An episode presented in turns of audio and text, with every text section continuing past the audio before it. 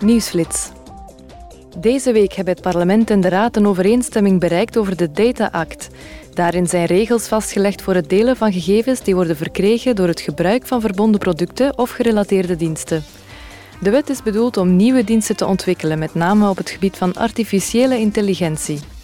De wet is ook bedoeld om service na verkoop en reparaties van verbonden apparaten goedkoper te maken.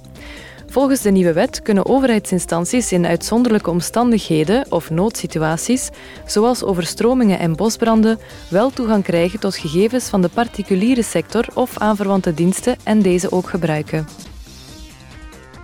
Seks zonder instemming is verkrachting. Dat stellen de Commissie Burgerlijke Vrijheden en de Commissie Vrouwenrechten in een verslag dat deze week werd goedgekeurd. De betrokken parlementsleden vragen om een uniforme, op instemming gebaseerde definitie van verkrachting in de EU, strengere regels voor cybergeweld en betere ondersteuning voor slachtoffers.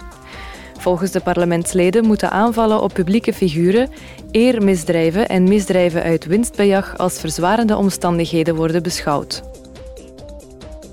Morgen is de voorzitter van het Europees Parlement, Roberta Metsola, in Helsinki. Ze zal er een toespraak houden op een Europese conventie voor bedrijfsleiders, namelijk de Northern Lights Summit 2023. De titel van de toespraak is What's Next for Europe? Europe's Role in the New World Order.